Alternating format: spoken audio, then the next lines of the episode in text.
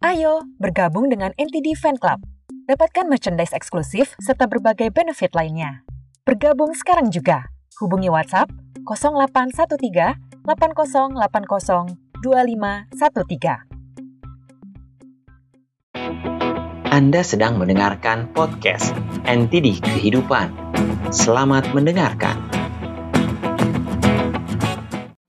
Kisah dua tahanan dan ular beracun. Beberapa ilmuwan berpikir untuk melakukan eksperimen. Mereka ingin mengetahui seberapa besar pengaruh pikiran ke tubuh fisik seseorang. Untuk melakukan itu, dua terpidana mati pun dipilih.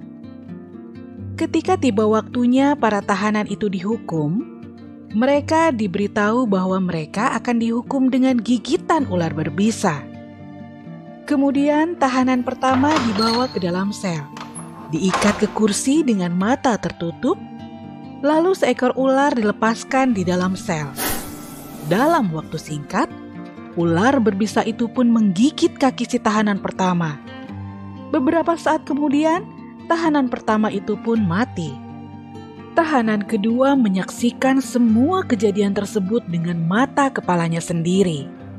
Kini tibalah giliran si tahanan kedua, dan perlakuan yang sama diberikan kepadanya. Dia dimasukkan ke dalam sel, diikat ke kursi, dan matanya ditutup. Tapi kali ini tidak ada ular yang dilepaskan ke dalam sel, melainkan kakinya hanya ditusuk dengan dua buah jarum. Namun anehnya, tahanan kedua ini kemudian meninggal hanya dalam hitungan detik setelah kakinya ditusuk dengan jarum. Para ilmuwan terkejut melihat kejadian yang baru saja terjadi. Mereka membawa tubuh dari kedua tahanan itu untuk melakukan pemeriksaan setelah kematian. Tahanan pertama memang meninggal akibat bisa dari gigitan ular.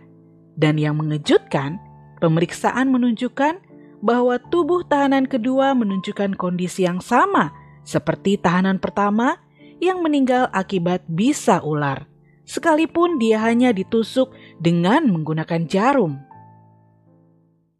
Penyakit yang kita derita, 70% adalah berasal dari pikiran maka berhati-hatilah dengan pikiran kita sendiri. Jangan terlalu banyak berpikir negatif, karena pada akhirnya hal itu akan membuat tubuh kita bereaksi secara negatif.